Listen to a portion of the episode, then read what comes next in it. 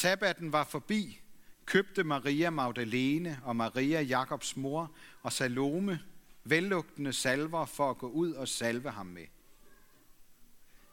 Meget tidligt om morgenen, den første dag i ugen, kommer de til graven, da solen var stået op. Og de sagde til hinanden, Hvem skal vi til at få til at vælte stenen fra indgangen til graven? Men da de så derhen, opdagede de, at stenen var væltet fra, for den var meget stor. Og da de kom ind i graven, så de en ung mand i hvide klæder sidde i den højre side, og de blev forfærdet. Men han sagde til dem, Vær ikke forfærdet. I søger efter Jesus fra Nazareth, den korsvestede. Han er opstået, han er ikke her. Se, der er stedet, hvor de lagde ham. Men gå hen og sig til hans disciple og til Peter, at han går i forvejen for jer til Galilea. Der skal I se ham, som han har sagt jer det. Og de gik ud og flygtede fra graven, for de var rystede og ude af sig selv. Og de sagde ikke noget til nogen, for de var bange. Vi vil i dag øh, sammen sige den nikenske trosbekendelse, fordi det er påskedag og højtid. Så lad os blive stående her og sammen bekende. Vi tror på én Gud, den almægtige Fader, himlens og jordens, alt det synliges og usynlige skaber. Og på en Herre, Jesus Kristus, Guds enborne søn, som er født af faderen før alle tider. Gud er Gud, lys er lys, sand Gud er sand Gud.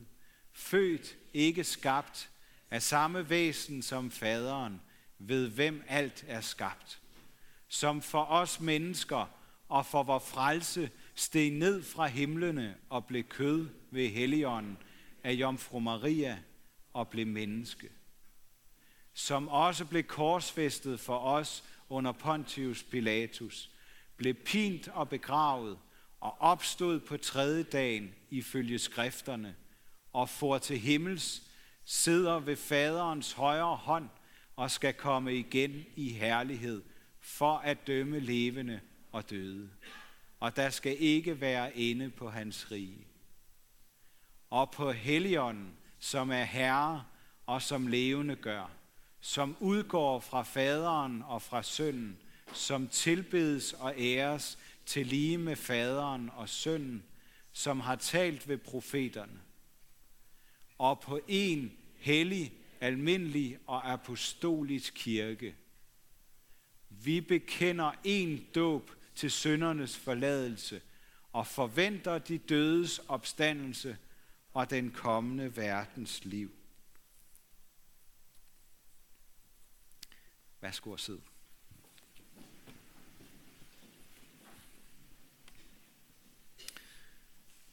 Lad os bede sammen.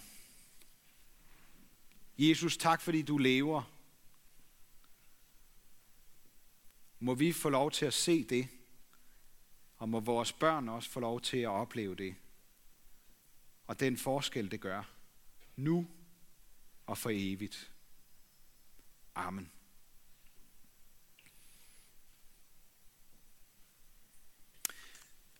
En af mine tidligste og store musikoplevelser fik jeg hjemme på mine forældres hårde hessian gulvtæppe i solstriben fra tagvinduet i stuen.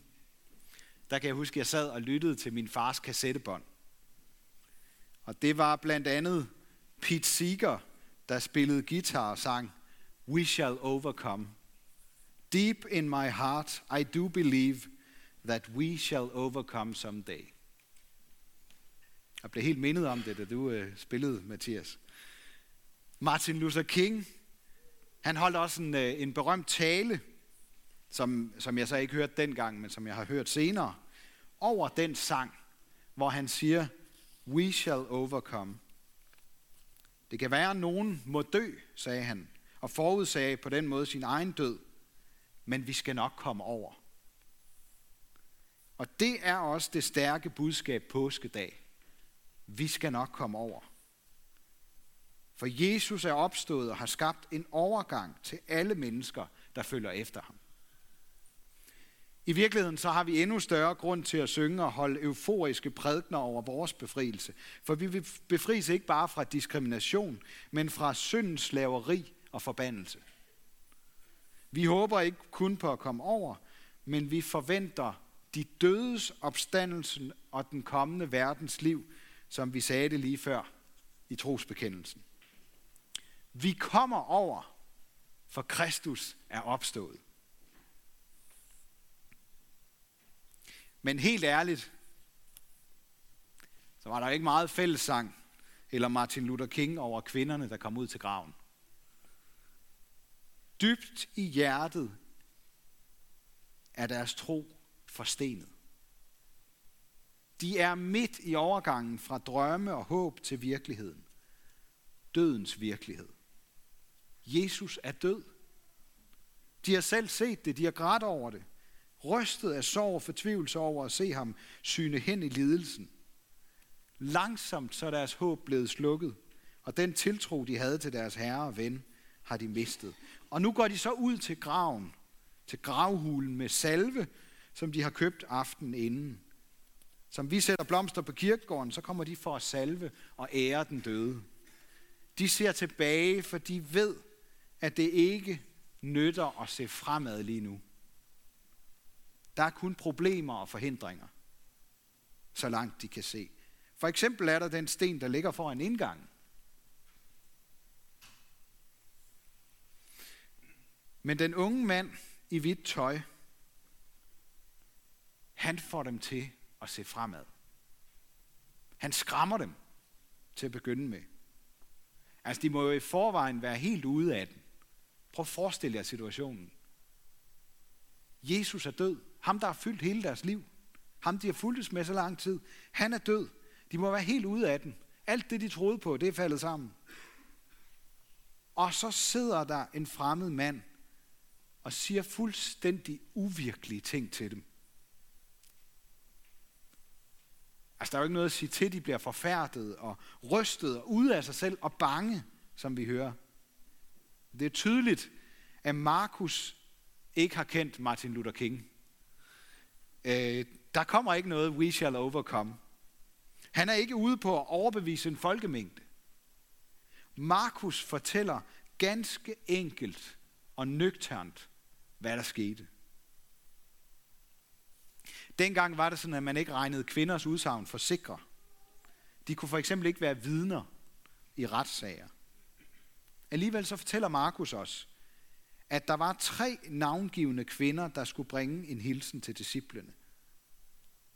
Og på den måde, så får vi også der et bevis på, at der er, der er altså ikke pyntet på den her historie.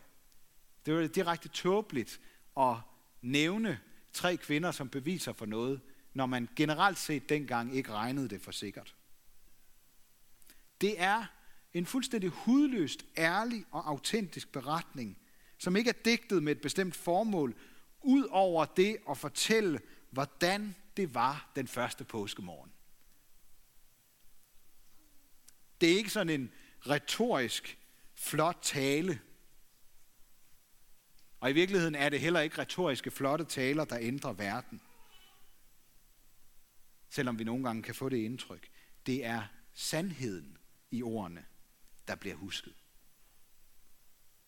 Om de berører virkeligheden, eller om de bare beskriver en drømmeverden. Det, jeg tror, det er derfor, Martin Luther Kings tale er blevet husket af så mange, fordi ordene viste sig at være skræmmende sande. Og Markus evangelium er et endnu stærkere eksempler på sande ord, der berører virkeligheden. Endda på flere måder. For den unge mand i hvidt er repræsentant for Guds evige verden. Og han gør ikke noget øh, unødvendigt væsen af sig. Men hans ord skaber forbindelse mellem kvindernes verden og Guds evige verden. Ordene kommer direkte fra sandhedens Gud. Det er ikke altid smukt og episk og formfuldendt, når Guds ord møder os. Men det er altid sandheden, vi møder. Jesus er opstået og er gået i forvejen til Galilea. i forvejen. Har I tænkt over den formulering? Jesus er gået i forvejen. Det er en meget tydelig opfordring til at gå efter. Han er gået i forvejen, for at de skal følge efter. Ellers så giver det jo slet ikke mening at gå i forvejen. Jesus er ikke gået i forvejen til en ukendt evighed, men til et konkret sted i vores verden. Det fortæller os også, at opstandelse har betydning for vores liv nu. Opstandelsen har en langt mere konkret betydning. Den er ikke bare sådan en eksistentiel mulighed. Jesu opstandelse fra de døde er et historisk faktum. Det kan ikke bevises, men det kan bevidnes. Og så er der en særlig hilsen til Peter. Måske for at han ikke skulle finde på at blive væk fra Galilea. Måske er der nogen af jer, der kan huske, at han svigtede Jesus, og han nægtede at have noget som helst med ham at gøre, endda flere gange. Jeg tror, at den hilsen blev en overgang for Peter til et nyt liv. Til en fornyet relation. Opstandelsens kraft er nemlig så stærk, at den kan forny vores liv, selvom det måske er gået helt i hårdknude.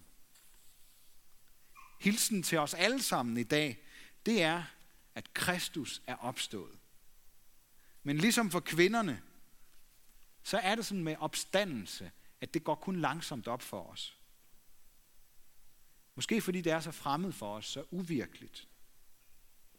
Det er derfor, vi holder påske. Det er for at forstå, at vi med Jesus går over fra døden til livet. Vi skal godt nok stadigvæk dø, hvis ikke Jesus kommer igen inden. Men det er ikke så farligt mere. For Kristus skal nok få mig op og stå igen, når tid er. Opstandelse, det er overgang. Overgangen til et nyt liv. Og troen griber om den overgang. Ikke bare, at det er en mulighed, men på den måde, at Kristi opstandelse er begyndelsen til mange opstandelser.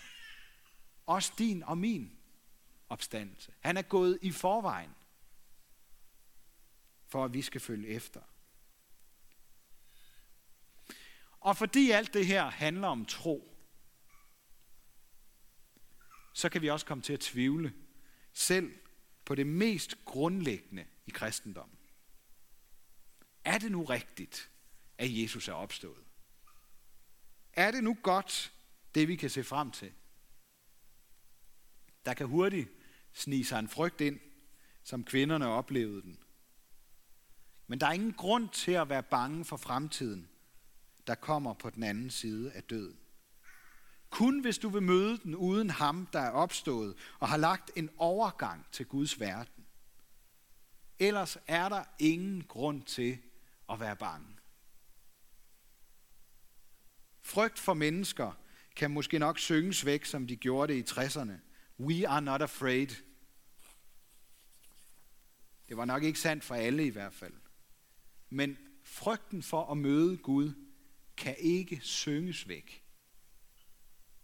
Den skal forkyndes væk med Guds egne ord.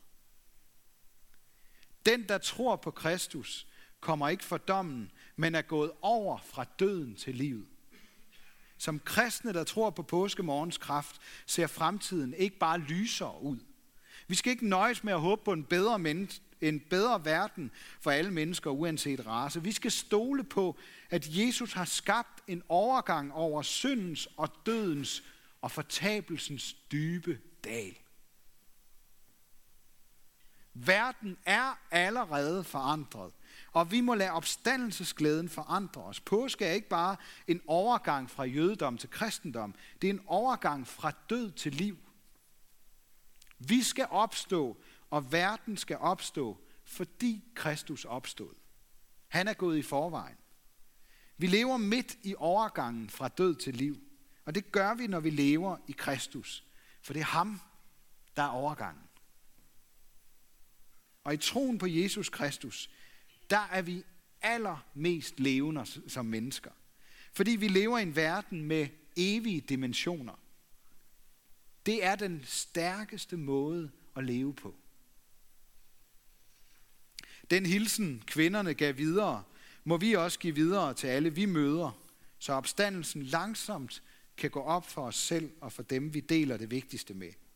Så frygt for fremtiden og døden kan blive skiftet ud med ægte påskeglæde. We shall overcome. Vi skal nok komme over, for Kristus er opstået. Halleluja. Ære være Gud, vores far, der har skabt os i sit billede. Ære være Guds søn, der tog vores straf, så vi kan slippe fri. Ære være Helligånden, ham der gør Guds kærlighed levende for os. Og så synes jeg, at vi skal rejse os op og sammen med apostlen Paulus ønske for hinanden, at vor Herres Jesu Kristi nåde, Gud vor Fars kærlighed og Helligåndens fællesskab må være med os alle.